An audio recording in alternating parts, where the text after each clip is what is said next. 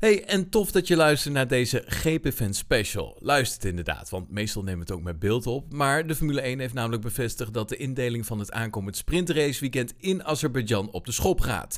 Ja, dat willen we natuurlijk zo snel mogelijk naar jullie brengen. Vandaar dat we deze even hebben opgenomen met alleen audio. De F1 Commission heeft namelijk unaniem voorgestemd om de zogenaamde sprint shootout te introduceren in Baku. En ik ga je even uitleggen hoe dit nou allemaal in zijn werk zal gaan. De tweede vrije training op de zaterdag tijdens een Grand Prix weekend tussen de kwalificatie en de sprintrace werd door velen als doelloos gezien.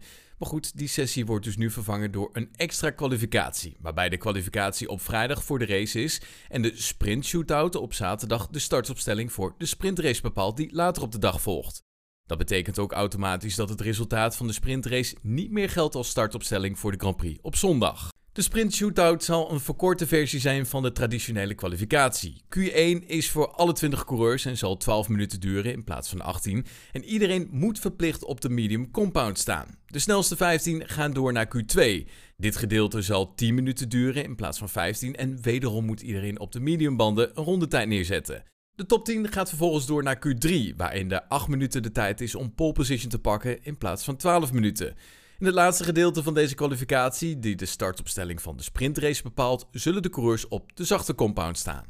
Een gridstraf die de coureur krijgt naar aanleiding van een incident in de vrije training of de kwalificatie op vrijdag zal van toepassing zijn op de Grand Prix van zondag. Een gridstraf die een coureur krijgt naar aanleiding van een incident in de sprint shootout, die zal alleen van toepassing zijn op de sprintrace van zaterdag. Maar een gridstraf die een coureur naar aanleiding van een incident in de sprintrace van zaterdag krijgt, zal wel van toepassing zijn op de Grand Prix van zondag. Maar het is wel zo, als de Park regels worden overtreden, dan moet de coureur vanuit de pitstraat starten in de sprintrace op zaterdag en op de Grand Prix op zondag. Gridstraf naar aanleiding van het overschrijden van power unit onderdelen zal alleen van toepassing zijn op de zondagsrace. Ja, de dagen zijn inderdaad flink veranderd. Vrijdag dus alleen de vrije training en de kwalificatie voor de Grand Prix op zondag. Zondag hebben we een kwalificatie, die heet de Sprint Shootout en de Sprintrace. En zondag is het dan tijd voor de Grand Prix van Azerbeidzjan. Nou goed, mocht je dit allemaal terug willen lezen, dat is ook mogelijk. Bezoek onze website gpfans.com en dan kun je alles even rustig teruglezen. Maar ik heb eigenlijk ook nog een vraag voor jou. Wat vind jij eigenlijk van dit nieuwe Grand Prix weekend? Dat kan je allemaal laten horen op onze Spotify-pagina. Laat even je mening horen. En morgen zullen we er gewoon weer zijn met een gloednieuwe uitzending hier op Spotify. Bedankt voor het luisteren. Hoi!